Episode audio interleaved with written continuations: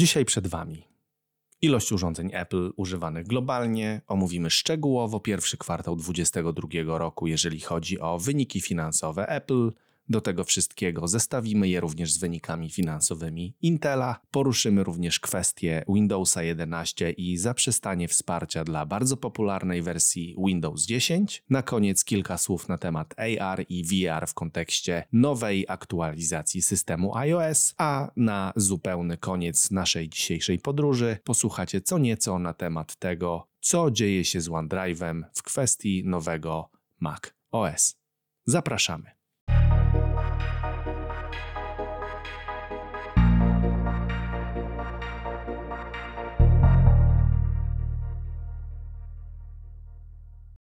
Dzień dobry, witamy Was serdecznie. 34 odcinek naszego słuchowiska. Karol Morawski i Tomasz Iwański. Witamy Was serdecznie w 4AM Podcast. Tak, słuchajcie, ja się pochwalę. Tomasz, mogę się pochwalić? No zawsze. Słuchaj, będę miał samochód chyba w tym tygodniu. Swój. Znaczy, twój śmiech oznacza, że tak bardzo w to nie wierzysz? Nie, nie, tak nie, właśnie tak bardzo się cieszę. Tak bardzo się cieszę, bo się okazało, że najprawdopodobniej nic mu nie jest, tylko zderzak do pomalowania, nawet nie trzeba go wymieniać. No to miło. No ale trwało to, słuchaj, pojutrze mija miesiąc. No ale to, to, to jest właśnie to, że najdłużej trwają wszystkie procedury, czyli na koniec dnia i tak wszystko sprowadza się do tego, że to my jako ludzie jesteśmy najsłabszym ogniwem procesów, które sami poukładaliśmy. Dokładnie. Dobra, to tyle schwalenia się. Pochwalę wam się, może w przyszłym tygodniu, jak już będę mógł nim jeździć, to już w ogóle będzie bajka. No tak, bo miecia jeździć to jeszcze kawałek drogi. Tak, e, dokładnie. Więc Tomasz, newsiki. Dzisiaj mamy taki mocno newsowy odcinek. Mhm. No, znaczy to z mojej strony prosta sytuacja. No, może nie magiczna, ale ilość device'ów od Apple'a przekroczyła 1,8 miliarda aktywnych urządzeń, więc biorąc pod uwagę to, że jest nas trochę ponad 6 miliardów osób na, na Ziemi. Oczywiście wiele osób, takich jak na przykład Karol, używa więcej niż jednego urządzenia od Apple'a. To nie znaczy, że mm, w zasadzie 30% populacji ma urządzenia firmy Apple, bo byłoby to niemożliwe. No niemniej jednak liczba jest dość znacząca, także cały czas wzrasta liczba używanych urządzeń od Apple'a na naszej wspaniałej Ziemi. O tym dzisiaj będziemy też dużo mówić, chociażby w kontekście finansowych wyników naszego ulubionego giganta.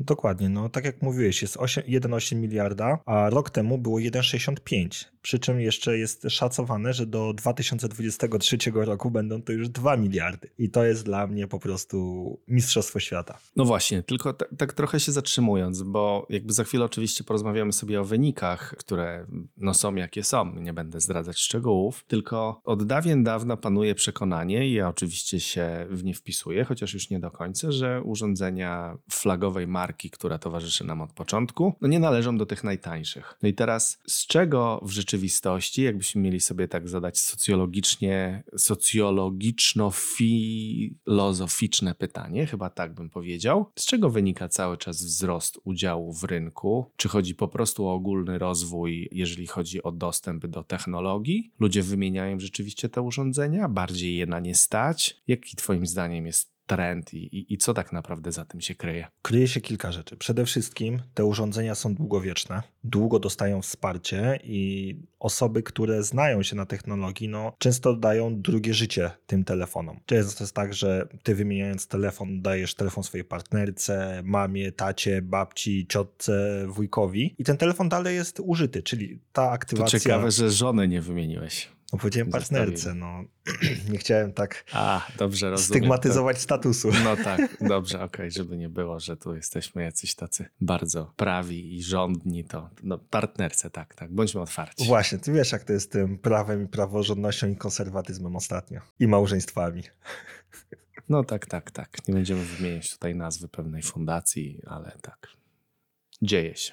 Dokładnie, nie będziemy mówić, e, jak jest e, sponsorowana i zasilane są jej fundusze, bo tego też nie wolno. Prawnie jest to zabronione mówienie o tym.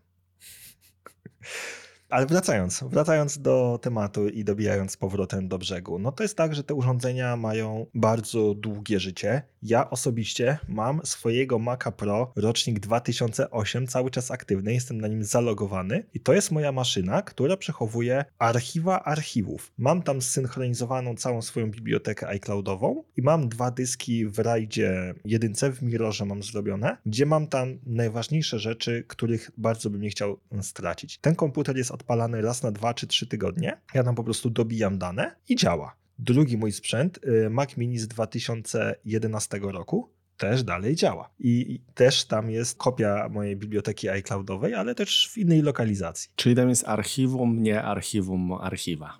Tak. No słuchaj, free is, e, nie, free is two, two is one, one is none. No to, to jasne. Czyli długowieczność, ok, ale nie jest trochę też tak, że jednak magiczne PKB, to, że jest więcej tych pieniędzy i generalnie stać nas na więcej, mówię globalnie w pewnym sensie, to, to, to jest też jakoś podyktowane, albo to też jakkolwiek wspiera ten rozwój, jeżeli chodzi o Apple i o przychody i, i o wyniki, do których pewnie za chwilę przejdziemy? Oczywiście, no nie wiem też, czy słyszałeś, jest w Stanach taka bardzo duża afera mm, w środowiskach młodych, że dzieciaki, które są zielonymi bąbelkami w konwersacji, są, że tak powiem, postrzegane jako gorsze. I to jest w ogóle uzależnienie z, okay poczucia wartości od stanu materialnego no jest mega głupotą, no ale niestety pojawia się ten ostracyzm w środowisku młodych osób, głównie w Stanach, gdzie większość konwersacji jest przenoszona na iMessage. Nie są takie popularne komunikatory jak u nas, typu WhatsApp, Signal, Telegram, Viber, whatever. I tam po prostu te dzieciaki używające tego mm, niebies- zielonego bąbelka są niby uznawane za gorsze. Tutaj robię bardzo duży cudzysłów rękoma. No ale niestety jesteśmy takim społeczeństwem, społeczeństwem globalnym. Gorszy sort. Dokładnie, no i co oczywiście jest głupotą. Podkreślam, to jest wielka głupota, no ale wszyscy wiemy, jakie są dzieciaki w pewnym wieku. Okej, okay, Karol, tylko dobrze to jakby nie wchodząc w ramy za bardzo socjologiczne tego, co się dzieje, niestety tak, to jest głupota, pełna zgoda, tylko ja niestety mam wrażenie, że to jest po prostu nasza rzeczywistość i my musimy się w tym odnaleźć, bo śmiem twierdzić, że do Polski to za chwilę przyjdzie i, i zresztą na pewno już swego rodzaju ostracyzm też ma miejsce wśród dzieciaków w naszej społeczności, w naszych społecznościach, ale nie wiem jak jest w Stanach. W każdym bądź razie śmiem twierdzić, że u nas w Polsce problem polega na tym, że wiele osób uważa, że to jest głupota i na tym kończy, a niestety to jest wszystko winą social mediów, tego wszystkiego, co się dzieje, uwielbieniu jakiegokolwiek, nie wiem, luksusu i, i wszystkiego, co się wiąże z posiadaniem czegoś, może inaczej. Chęć posiadania jest silniejsza niż kiedykolwiek wcześniej, no i ona tak naprawdę to rozjusza, a to niestety prowadzi socjologicznie do bardzo, bardzo głębokich problemów psychiczno-psychologiczno-psychiatrycznych u już bardzo, bardzo młodych ludzi. Zgadza się no słuchaj, jeżeli ty widzisz na każdym zdjęciu na Instagramie, że influencer, influencerka robią zdjęcia tym iPhone'em, on jest prezentowany. Kto, przepraszam? No taki gorszy sort. Nie, oczywiście żartuję, ale no, no chciałem właśnie zwrócić uwagę na, na tą nową szkołę y, zarabiania kapusty w Polsce. No, nie tylko oczywiście, ale, ale no, jakby widać to, to, to coraz mocniej. Tylko dodam, 99,9% tych influencerów nie jest sponsorowanych przez Apple. Osoby, które są sponsorowane przez Apple i pokazują te urządzenia, można policzyć na palcach jednej ręki, to są głównie gracze amerykańscy typu iJustine, MKBHD czy w sumie chyba tyle, tyle, tyle osób znam, bo staram się nie oglądać tego YouTube'a, ale no to są osoby, które dostają sprzęt wcześniej, no i one są rzeczywiście w jakiś sposób promowane przez Apple. A reszta to po prostu robi, żeby pokazać. Dodam jeszcze tylko jedną rzecz, co mi bardzo utkwiło w pamięci. Była jakaś influencerka też, czy jakaś gwiazda TikToka, innego Instagrama, która robiła przepisy i no wy weźcie sobie taką foremkę, rozmiar 2-2,5 iPhone'a. Więc no brak mi słów. Brak mi słów po prostu. No właśnie, to może spuśćmy zasłonę milczenia. Temat jest generalnie ciekawy, szeroki i głęboki. Mi osobiście marzy się o tym, żeby kiedyś udało nam się zaprosić gościa, który z takiego psychologicznego punktu widzenia przez pryzmat Apple'a i tego, jak on funkcjonuje wśród, no nie tylko bardzo, bardzo takiej młodej młodzieży, jeżeli tak mogę powiedzieć, ale jak to wpływa i kształtuje osobowość. Musimy się rozejrzeć, czy mamy kogoś z takim wykształceniem u nas w banieczce naszej. No dobrze, to cóż, idziemy dalej? Idziemy. Ja tylko mam do powiedzenia jedno. Nie ma sufitu dla Apple. bo to, co się dzieje przez ostatnie kilka lat w tym pierwszym kwartale, no to jest po prostu kosmos. To jest kosmos, to są zyski rok do roku. Chyba tylko w 2000, nie pamiętam, 13-14 te zyski były niższe niż zakładano, ale tak to na praktycznie na każdej płaszczyźnie są tutaj wzrosty. No i o ile są to wzrosty? Otóż 11,2% rok do roku, co daje nam kwotę 123,945 miliarda dolarów. E, przypominam, że pandemia trwa i shortage sprzętowy, o którym chciałbym porozmawiać też na końcu wątku finansowego, ale za to, słuchajcie, zysk netto to jest tylko 34,6 miliarda, więc no tutaj Apple troszeczkę mało zarobiło. Nie zmienia to faktu, że jest to i tak 20% więcej niż rok temu. A nie, niż, przepraszam, niż w pierwszym kwartale tego roku 21 rozliczeniowego. Ale w sensie troszkę mało, czyli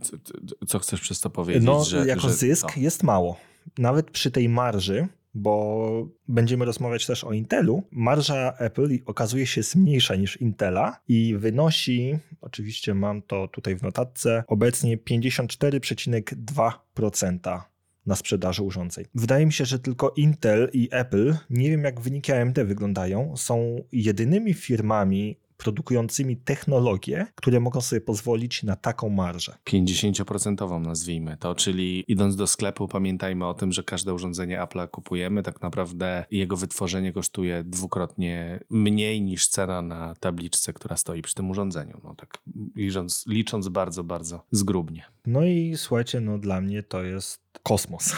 To jest po prostu kosmos. Ja chciałem tylko powiedzieć, że to jest porażająca marża, biorąc pod uwagę to, co się dzieje na przykład na innych sprzętach, jeżeli chodzi o IT. To raz, a dwa, no oczywiście wiemy o tym, że przysłowiowe szmatki chyba mają trochę większą marżę, bo tam jest chyba około 70%, o ile dobrze pamiętam, więc cały fast fashion po prostu też żyje na tej marży, bo, bo de facto i tak bluzka, która kosztuje 19,99 made in Bangladesh w kolorze, nie wiem, biało-żółtej rzeki, nie wiadomo wiadomo jakiej, najbliższej, no to też po prostu wytworzona była za przysłowiową miskę ryżu, cytując kiedyś rozmowę dwóch nastolatków. No, powiem ci chyba, że wydaje mi się nawet taniej niż ta miska ryżu. Ale jak mówiłeś o szmatkach, ja myślałem, że chodziło ci o iShmatę w cenie 99 pelenów. Nie, nie, chodziło mi o ubrania. Nie, no to też nie wiem, czy wiecie, Apple wprowadził znowu, znaczy wróciła do sklepu szmatka, iShmatka do wycierania ekranów. Ona pierwotnie była dodawana do Apple Pro XDR wyświetlaczy. No i teraz można sobie ją kupić za całe 100 zł. Tak, 100 zł, tam chyba bez grosza czy bez złotówki. Ale dobrze, wracając do pieniążków, bo to nas najbardziej interesuje. Zysk iPhone'ów 71,6 miliarda w porównaniu do 65,5 w zeszłym roku. Dla mnie to jest po prostu niesamowite, biorąc takie pod uwagę, że tego sprzętu nie ma. Kupując iPhone'a podstawowego, dostaniesz go. W momencie, kiedy chcesz kupić z większą pojemnością, czekaj, po prostu czekaj. I oczywiście, słuchajcie, z Maciem jest fajna historia. Po raz pierwszy Mac osiągnął taką sprzedaż. Jest to i zarobek 10,5 miliarda dolarów i to jest 25% rok do roku. Jesteśmy chyba przekonani, co to napędziło ten sprzeda tą sprzedaż. No, bez dwóch zdań oczywiście. Ja tylko wracając do tego, bo jeszcze raz powiedziałeś, że jak jest przychód, zysk, tak? Dobrze zrozumiałem? Zysk z iPhone'a, czy, czy, czy mówiłeś o przychodzie? Bo, bo nie usłyszałem jaka liczba. Dlaczego o tym mówię? Bo zabrzmiało mi w uszach, że mówiłeś o 34 bodajże miliardach zysku netto. No to chyba liczba... Tak, tak, tak. Poczekaj, poczekaj. Ja coś yy, pomieszałem. A przychody w wysokości 71 miliardów dolarów były, z, tak, e, tak, jeżeli tak, chodzi tak, o, tak, o, tak. o iPhone'a. No dobrze, okej, okay, no to prostujemy od razu, żeby, żeby tutaj nie było niejasności, że w przychodach 71 miliardów, a rzeczywiście zysk netto 34,6. Tak, zgadza się. Yy, my bad. No i z Maciem. Chciałbym o tym Macu porozmawiać. Oczywiście jakość i osiągi procesorów M1 Pro i M1 Max tutaj wybiły, wydaje mi się, tą sprzedaż sprzedaż. Oczywiście ich większa cena, No i powiem Ci Tomasz, miałem ostatnio taką szesnastkę w rękach wczoraj w konfiguracji CTO. Tam było chyba 10 na 16, 32 i 1 tera dysk. No po prostu ja byłem w szoku, jak to działa. I ten ekran jeszcze mini LEDowy 120 Hz, to nawet przyjemnie się w Safari strony przeglądało. No tak, no, no ale no coś za coś. Jakość zwycięża, myślę, i to jakby od samego początku naszych spotkań sukcesywnie się przewija. Co do dostępności tego sprzętu, ostatnio kupowałem do firmy parę sprzętów, tam chyba 10 sztuk podstawowych było. Średni czas oczekiwania 5-6 tygodni u głównego dystrybutora dla biznesu w Polsce. Chyba nie ma, nie możemy powiedzieć, że chodzi o Innergo, bo to jest jedyny praktycznie dedykowany biznesowi, dużemu biznesowi partner w Polsce. No i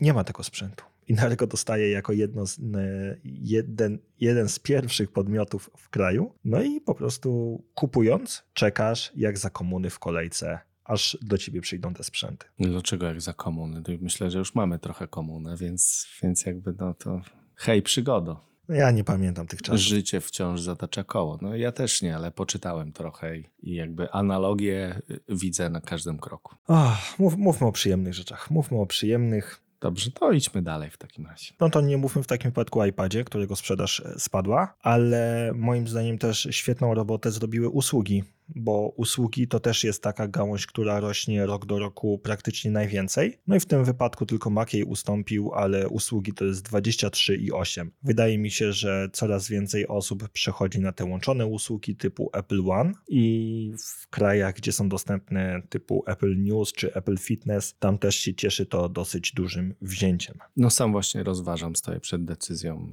wejścia na Apple One, więc rozumiem ten ból. No ja się zastanawiam nad przejściem za to na 2 tera mm, zwykłego iCloud Plusa, bo 200 giga zaczyna być mało, a tutaj kurczę te 4, 4 o, dychy kosztuje 2 tera, no trochę drogo. No ale to już jest 2 tera, nie 200 giga, no kurczę, Karol. No ja mam, moja biblioteka iClouda zajmuje 176 i już tak no, trochę słabo. No dobrze, cóż tam dalej mamy podział, jeżeli chodzi o regiony, rozumiem, przychodów. Tak, wiadomo, znaczy nie wiadomo, byłem przekonany, że jednak największa sprzedaż będzie w Azji. Otóż okazuje się, że nie. W Azji to jedynie jest 25 miliardów, a prym wiodą Stany 51 i prawie pół miliarda dolarów. No i jak to się rozkłada procentowo? Przede wszystkim ten revenue to jest iPhone 57,8, wearables, home and accessories to jest 11,9, iPad 5,8, Mac 8,8 i usługi 15,7. Chciałem też porozmawiać, Tomasz, na temat nowych aktualizacji, ale tylko jedno słowo.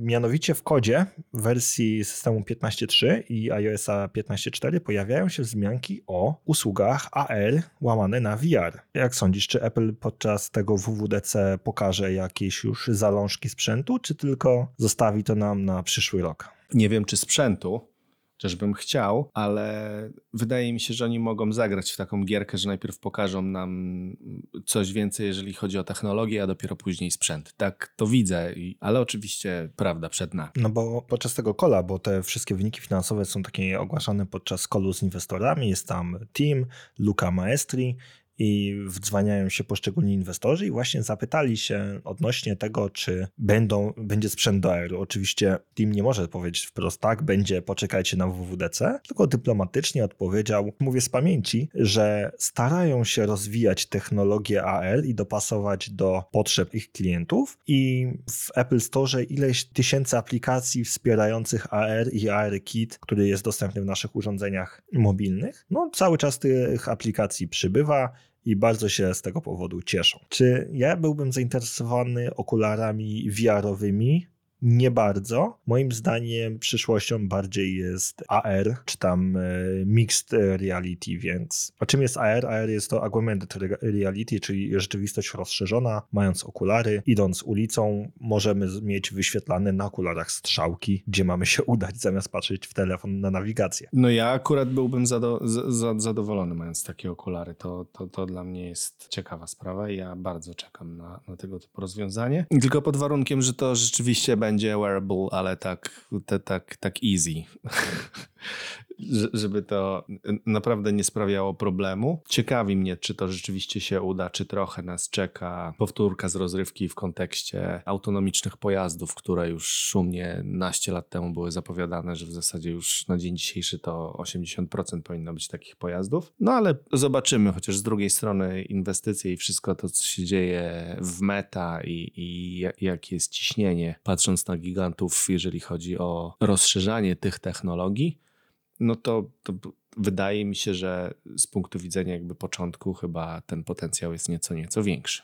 No tak, no ale weź pod uwagę, ile lat temu były Google Glass. Ja pamiętam, byłem na studiach, to był 12, 14 rok i okazało się, że ludziom się nie podoba to, że one mają kamerę, w wielu firmach zostały zakazane i temat umarł śmiercią naturalną. Pytanie, czy jeżeli Apple to zrobi, to też czy będziemy bardziej przychylnie patrzeć na kwestie bezpieczeństwa i prywatności w tym przypadku. Kwestia autonomicznych samochodów. Dzisiaj rano przeglądając do śniadania Twittera widziałem właśnie nagranie z Tesli, która ma e, najnowszą wersję FSD, Full Self Driving modułu. No i w jednym z miast amerykańskich wpieprzyła się pod tira na skrzyżowaniu. Praktycznie w ostatniej chwili kierowca złapał kierownicę i zjechał mu z drogi. No właśnie.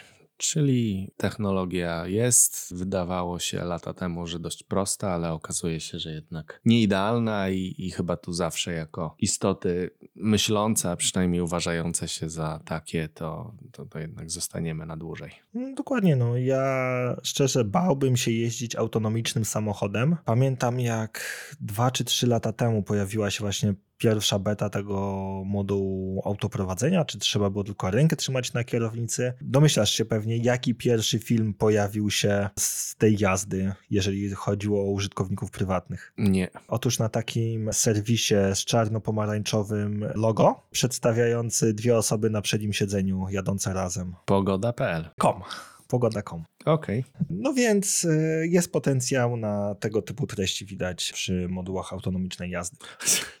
Ciekawy rynek to. Wiesz, co napędza najbardziej sprzedaż okular, okularów VR oprócz szumnie zapowiedzianego meta od Facebooka? Nie. Ten sam portal, który publikuje treści przystosowane do tego typu wideo. Ale no i że co, że jak to ma działać, bo nie rozumiem. Nie wiem, nie mam gogli.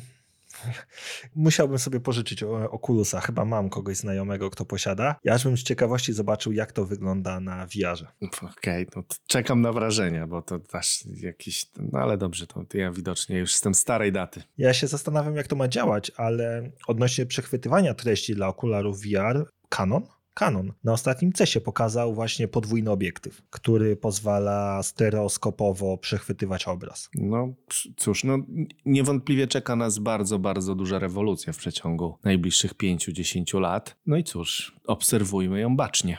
Jeżeli chodzi o rewolucję właśnie i co, co ją może napędzać, to przejdźmy może do wyników finansowych Intela, bo Intel też się pochwalił. No i szósty rok z rzędu, oczywiście Intel też e, ma swoje bardzo duże przychody. Zakładam, że gdyby Apple się na nich nie wypięło, byłyby jeszcze większe. Otóż w czwartym kwartale 2021 Intel odnotował przychody w wysokości 19,5 miliarda dolarów i tylko niestety jest to o 4% więcej niż kwartał z poprzedniego roku, ale z kolei ta marża brutto wyniosła aż 55,4%, więc Intel też nie są kapuchę trzepie na swoich procesorach. No to i tak dobrze, że udało im się pozbierać po tym, jak przysnęli podczas kilku fundamentalnych zmian na rynku i w technologii, to, to i tak dobrze, że dalej się trzymają, jak się trzymają i jednak y, wiodą prym mimo wszystko w dalszym ciągu, jeżeli chodzi o, o komputery osobiste i o dostarczanie CPU do, do tych urządzeń. Dokładnie, no, zarobili w porównaniu do jeszcze poprzedniego roku 4,6 miliarda dolarów zysku mieli, przepraszam, nie zarobku, tylko zysku, i jest to mniej o 21% w stosunku do poprzedniego kwartału, ale z kolei właśnie poszli w inwestycje. Zaczęli w ramach Intel Foundation inwestować kasę w fabryki, głównie w Malezji i w szeroko rozumianej Azji. No ale znowu też przysnęli, tak jak mówiłeś, jeżeli chodzi o procesory 12 generacji, one się nazywają Alder Lake, ale tutaj mówię o komputerach mobilnych. Plotki głoszą, że one będą już dojeżdżać powoli M1 jedynki podstawowe. Pytanie też, jak będzie z wydajnością termiczną i ze zużyciem baterii. No bo Intel niestety dostaje, jeżeli chodzi o procesory mobilne, bardzo mocno pod tyłku. Zgoda, wiesz, tylko ja jakby patrząc trochę z lotu ptaka na cały ten rynek, to jest ciekawe, że Intel siedząc w zasadzie w prockach od dawien dawna, teraz słyszymy, że 12 generacja procesorów zaczyna dobijać do M1, gdzie Apple wypuścił pierwszy swój procesor, który Intel musi gonić. No, to brzmi po prostu dość kuriozalnie moim zdaniem, więc co do zasady to jest dla mnie ciekawa historia, że takie rzeczy w ogóle mają miejsce, czyli firma, która zaczyna wchodzić w temat własnych komponentów. Na starcie w ogóle odsadziła giganta, który w zasadzie z tego żyje i, i na tym wyrósł. I właśnie to jest y, ciekawe, bo Apple właśnie robi, nie dość, że robi własny krzem, robi własny soft, to właśnie nie musi się bawić w dostosowywanie swojego softu do procesorów innych firm, tak jak nie pamiętam przy której generacji to było, chyba właśnie przy czwartej, kiedy pojawiły się MacBooki w 2015 roku. Okazało się, że ludzie od softu w Apple znaleźli błędy architekturalne w procesorach Intela, które przeszły przez QA Intelowe i zostały dopuszczone do sprzedaży. I podobno Apple bardzo musiało się wtedy dwoić i troić przy tym systemie. Nie pamiętam, który to była Sierra, High Sierra chyba. I żeby po prostu nie trafić w ten błąd architekturalny i żeby ten system się nie wysypywał. No i wtedy chyba powzięli takie mocne postanowienie, no sorry, będziemy się powoli żegnać z Intelem. Ale wracając też do Intela i serwerowych procesorów, AMD nawet u nas w firmie chłopacy jakiś czas temu testowali jeden z procesorów EPIC, 64 rdzenie, 1 tera RAMu i przy posiadanych obecnie Intelach też to robiło kółka wokół nich. Więc tutaj Intel ma do pogonienia i urządzenia mobilne i kwestie serwerowe, kwestie desktopowe mają ograne, no ale moim zdaniem to jednak mimo wszystko troszeczkę za mało, jeżeli chcą znowu wrócić do pozycji lidera. No, mi się wydaje, że to Senewrati niestety i, i jakby już mają tak duże tyły, więc łatwiej teraz będzie ich wyprzedzić niż im utrzymać jakby próbę powrotu na szczyt. No bo to, co zdobiło AMD, kiedy wypuściło tą pierwszą serię Ryzenów, w międzyczasie weszły też te procesory wielordzeniowe Threadripper, no to oni naprawdę odrobili bardzo dużą lekcję, bo przecież AMD i Intel to swojego czasu, jak zaczynały wchodzić takie pierwsze porządne desktopy do Polski, to pamiętam, że ludzie się tylko zastanawiali, co jest lepsze, co jest szybsze. Później AMD troszeczkę przyspało, no bo była powszechna opinia, że AMD to jest jeden wielki piekarnik, w szczególności z kartami graficznymi, które były strasznie słabo wykonane i bardzo często trzeba było robić e, reballing, a ludzie podgrzewali je w piekarnikach, czego nie wolno totalnie robić. Nigdy nie wolno żadnego krzemu wygrzewać w piekarniku domowym, bo niestety ulatniają się fajne związki z laminatu i one osiadają w piekarniku i później podgrzewając jedzenie my to zjadamy, czego robić nie powinniśmy. No i tutaj mam nadzieję, że ta seria nowa, ona się będzie chyba nazywać Sapphire Rapid, Rapid i nowe karty graficzne RC Alchemist. Mam nadzieję, że wrócą do łask, no bo nie możemy sobie pozwolić na znowu na monopol e, AMD, tak jak swojego czasu miał to Intel u siebie na rynku. To muszę przyznać, że bardzo ciekawe, ciekawie dotknęliśmy kulinarnego tematu. To, to od tej strony się nie spodziewałem, że sobie podyskutujemy chwilę. Nie, no bo słuchaj, ja pamiętam za czasów, nie pamiętam czy to gimnazjum, czy szkoły średniej, miałem takiego kolegę, który właśnie brał zepsute karty graficzne i wygrzewał w piekarniku. No i ja po prostu gratulowałem mu stary, no jedz, jedz później z tego piekarnika, zobaczymy co z ciebie będzie. Macie kontakt dalej? Nie wiem, Wojtek chyba tam całkiem nieźle się trzyma, no ale w każdym razie, no nie róbcie tego, no nie wygrzewajcie nigdy sprzętu w piekarniku, no bez jaj. No bez jaj, to się zgadza. No, a że od Intela do Microsoftu całkiem blisko, że zrobię takiego, taki intelektualny fikołek, Chciałbym porozmawiać Tomasz o Windowsie 11. Korzystałeś? Nie, nie mam zamiaru. Ja mam. Po pierwszych moich animozjach z tym systemem, ja w ogóle nie mogę patrzeć na Windowsa 11, jeżeli chodzi o ten panel ustawień, który się pojawia po wejściu w ustawienia, notabene, no to jest dla mnie paskudny system. Liczba animacji, przejść, ile rzeczy trzeba powyłączać, to jest po prostu kosmos. Dodatkowo, jeżeli masz, dla mnie to jest system biznesowy. W momencie, jeżeli masz spięte dodatkowo prywatne konto, które jest podpięte na przykład do konsoli, to nie róbcie tego, bo w momencie na przykład aktualizowania aplikacji z Microsoft Store, a trzeba to robić, warto o tym pamiętać, bo to też są potencjalne luki bezpieczeństwa, pojawiają ci się wszystkie gry, jakie masz na Xboxie. Więc no to jest porażka. Biblioteka aplikacji i gier się zazębia, jest tam mega bałagan i chyba tylko dlatego 16% urządzeń, które się nadają, ma ją tą aktualizację zainstalowaną. Ja nic nie powiem, nie mam zdania.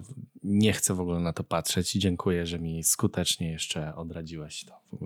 Nie chcę na żadnym urządzeniu w domu zainstalować Windowsa 11. Bardzo przepraszam. Kocham Microsoft, jeżeli chodzi o sposób licencjonowania, szczególnie za to, że utrudnia go za każdym razem jak bardzo może. Te meandry są tak bardzo głębokie, że momentami jak się zanurkuje, to nie wiadomo, którędy, że tak powiem, na górę, ale no systemy operacyjne dla mnie od już kilku lat, nie wiem, nie istnieją i, i ja jakby ciężko mi się strasznie w ogóle poruszać i, i to jest dla mnie jakoś takie... Mam wybór na szczęście i, i z niego skorzystałem, także to tyle, co mogę powiedzieć o Microsoftie, jeżeli chodzi o systemy operacyjne. Dziękuję.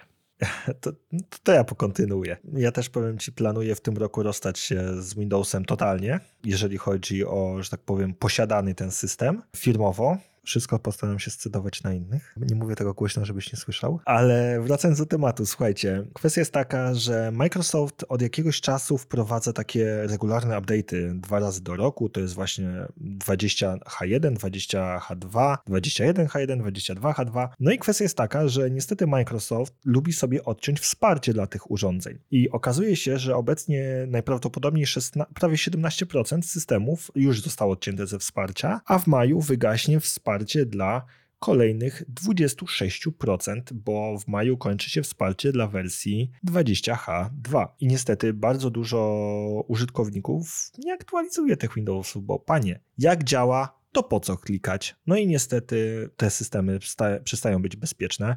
Dla mnie w ogóle zaniechiwanie poprawek bezpieczeństwa dla systemu, który wyszedł powiedzmy rok wcześniej czy dwa lata wcześniej, biorąc pod uwagę, jaka jest baza tych urządzeń, no to jest strzał stopę w Microsoftu i stwarzanie potencjalnych luk bezpieczeństwa. Inna kwestia, że użytkownicy nie są informowani o oczekujących aktualizacjach często lub nie jest im to wyświetlane w sposób bardzo dobitny i tutaj też moim zdaniem Microsoft powinien nad tym sobie bardzo mocno popracować. Pełna zgoda. Jeżeli naprawdę nie zamierzają odciąć wsparcie dla, no nie oszukujmy się, świeżej wersji systemu jeszcze, no bo przecież nie rozmawiamy rozmawiamy o wiem, siódemce, XP-ku czy Millennium, dobrze pamiętam? Był taki? Był, był, był. Na szczęście no się zmył szybko.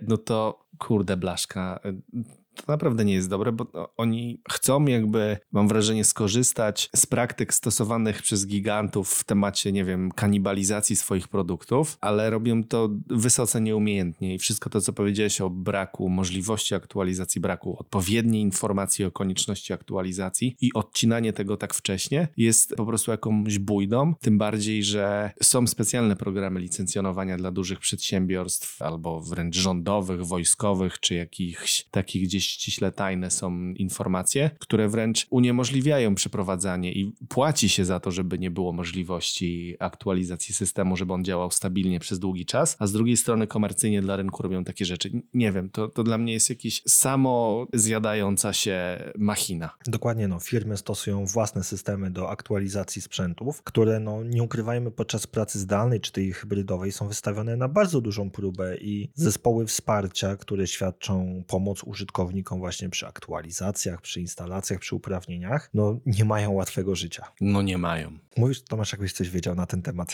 Współczujemy wszystkim zespołom wsparcia, które muszą z użytkownikami funkcjonować w otoczeniu pracy zdalnej i wysłuchiwać wszystkich niewybrednych inwektyw dotyczących tego, że coś nie działa, a okazuje się, że główną przyczyną takiego stanu rzeczy mogą być wiszące od N miesięcy poprawki, drivery i tego typu podobne historie. Słuchaj, Tomasz, ja podczas... Do, dołączysz do apelu? E, tak, słuchaj, ja mam swoją wstawkę zawsze na każdym spotkaniu z nowymi pracownikami, bo mam, jak dobrze wiesz, taką małą prezentację dwa razy w miesiącu, ale ja mam przykład naszej koleżanki Marty, jeszcze za czasów Windowsa 7, gdzie uptime komputera wynosił ponad 90 kilka dni i po zainstalowaniu, nie pamiętam, to było 127 czy 123 aktualizacje, bo niestety Microsoft bardzo cząstkowo wypuszczał te aktualizacje dla Windowsa 7 przy jego schyłku, no to była zdziwiona, jak ten komputer może szybko chodzić. Kto to widział po prostu? No ale niestety trzy godziny instalacji tych aktualizacji, bo niestety one się paczkami nie instalowały. No to była jedna z największych wad siódemki, jeżeli chodzi o sposób aktualizacji. No i nagle się okazało, Ale ja nie mam problemów z komputerem, o co chodzi? No właśnie. A już e, nie będę mówił o procesie cichej aktualizacji. Jeżeli chodzi jeszcze o cichą aktualizację pakietu Office, niedziałające formuły w Excelu, w ogóle moja, jedna rzecz ostatnia. Moja, mój ulubiony błąd w Excelu 365 podczas aktualizacji cichej. Nie możesz zapisać edytowanego pliku. Jeżeli weszła ci cicha aktualizacja w trakcie pracy na dużym arkuszu, zdarza się, że nie możesz go zapisać. Co jest jedynym rozwiązaniem? Uruchomienie kolejnego arkusza, otworzenie drugiej instancji e, aplikacji, przekopiowanie wszystkich danych. Jeszcze jak masz 6-7 sheetów, jeszcze jak są one od siebie zależne, pobierają dane z siebie nawzajem, no to życzę powodzenia, nie straceniu danych i dopiero tą nową instancję możesz zapisać. Amen. No więc tylko Excel Online. A że od Excela Online do OneDrive'a niedaleko, Apple rzuca kłoty pod nogi dużym firmom i pomaga użytkownikom. Tak mi się przynajmniej wydaje. Otóż, nowe aktualizacje OneDrive'a, nie wiem jak jest e, z Dropboxem, bo nie używam tego sheetu od e, ładnych kilku lat, spowodowały, że OneDrive wszystkie swoje pliki przeniósł w trybie Cloud Access.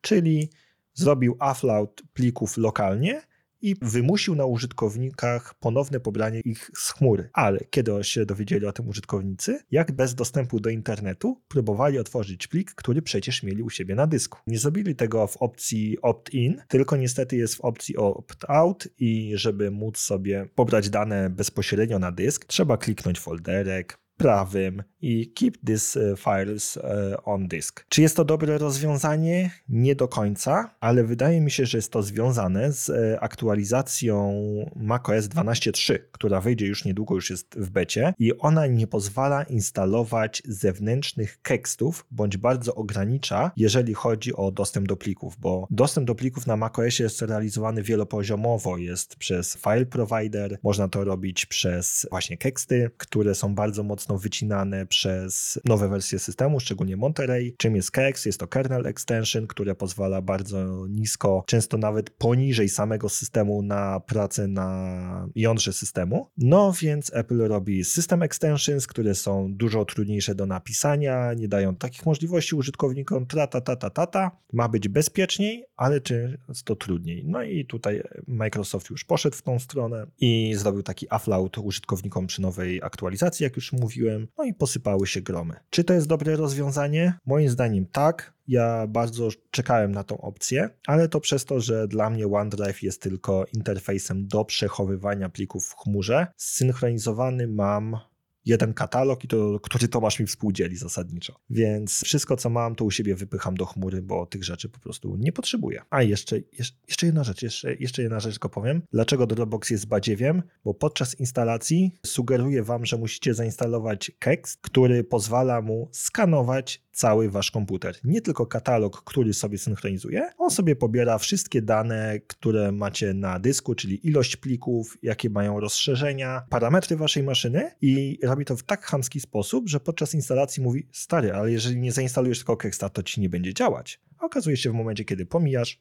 wszystko działa tak jak należy, a on zbiera mniej danych, ale nadal je zbiera. No to ja tylko chciałem powiedzieć, że właśnie widziałem, co wrzuciłeś w notatce, też chciałem o tym powiedzieć, bo ja jestem, znaczy rozumiem co do zasady tą zmianę, ale rzeczywiście znowu, no chyba, że jestem ignorantem i nie widziałem, że taka zmiana nastąpi, ale to jak mnie przywitał w którymś momencie OneDrive, co się zaczęło dziać i wow. E, to znaczy tak, ja jeszcze w zeszłym roku, nie pamiętam, do połowy listopada miałem problem z OneDrive'em. Pracuję na dwóch komputerach i miałem taką sytuację, że raz za razem z jednego albo drugiego mnie wylogowywał. I była taka sytuacja, że jak się zalogowałem, no to oczywiście adres mailowy, login, hasło z ADFS-a, MFA, jestem zalogowany, ale nie ma twoich plików na komputerze, które miałeś. Jak no nie mam? Przecież widzę w Finderze, że są te pliki. No to wskazuje katalog, używaj tego katalogu do plików OneDrive. On mówi, ale już używałeś tego katalogu, czy chcesz go na pewno używać? Tak, sytuacja powtarza się dwa, trzy razy i mówi: Sorry, ale nie możemy używać tego katalogu. Synchronizuj sobie OneDrive'a jeszcze raz.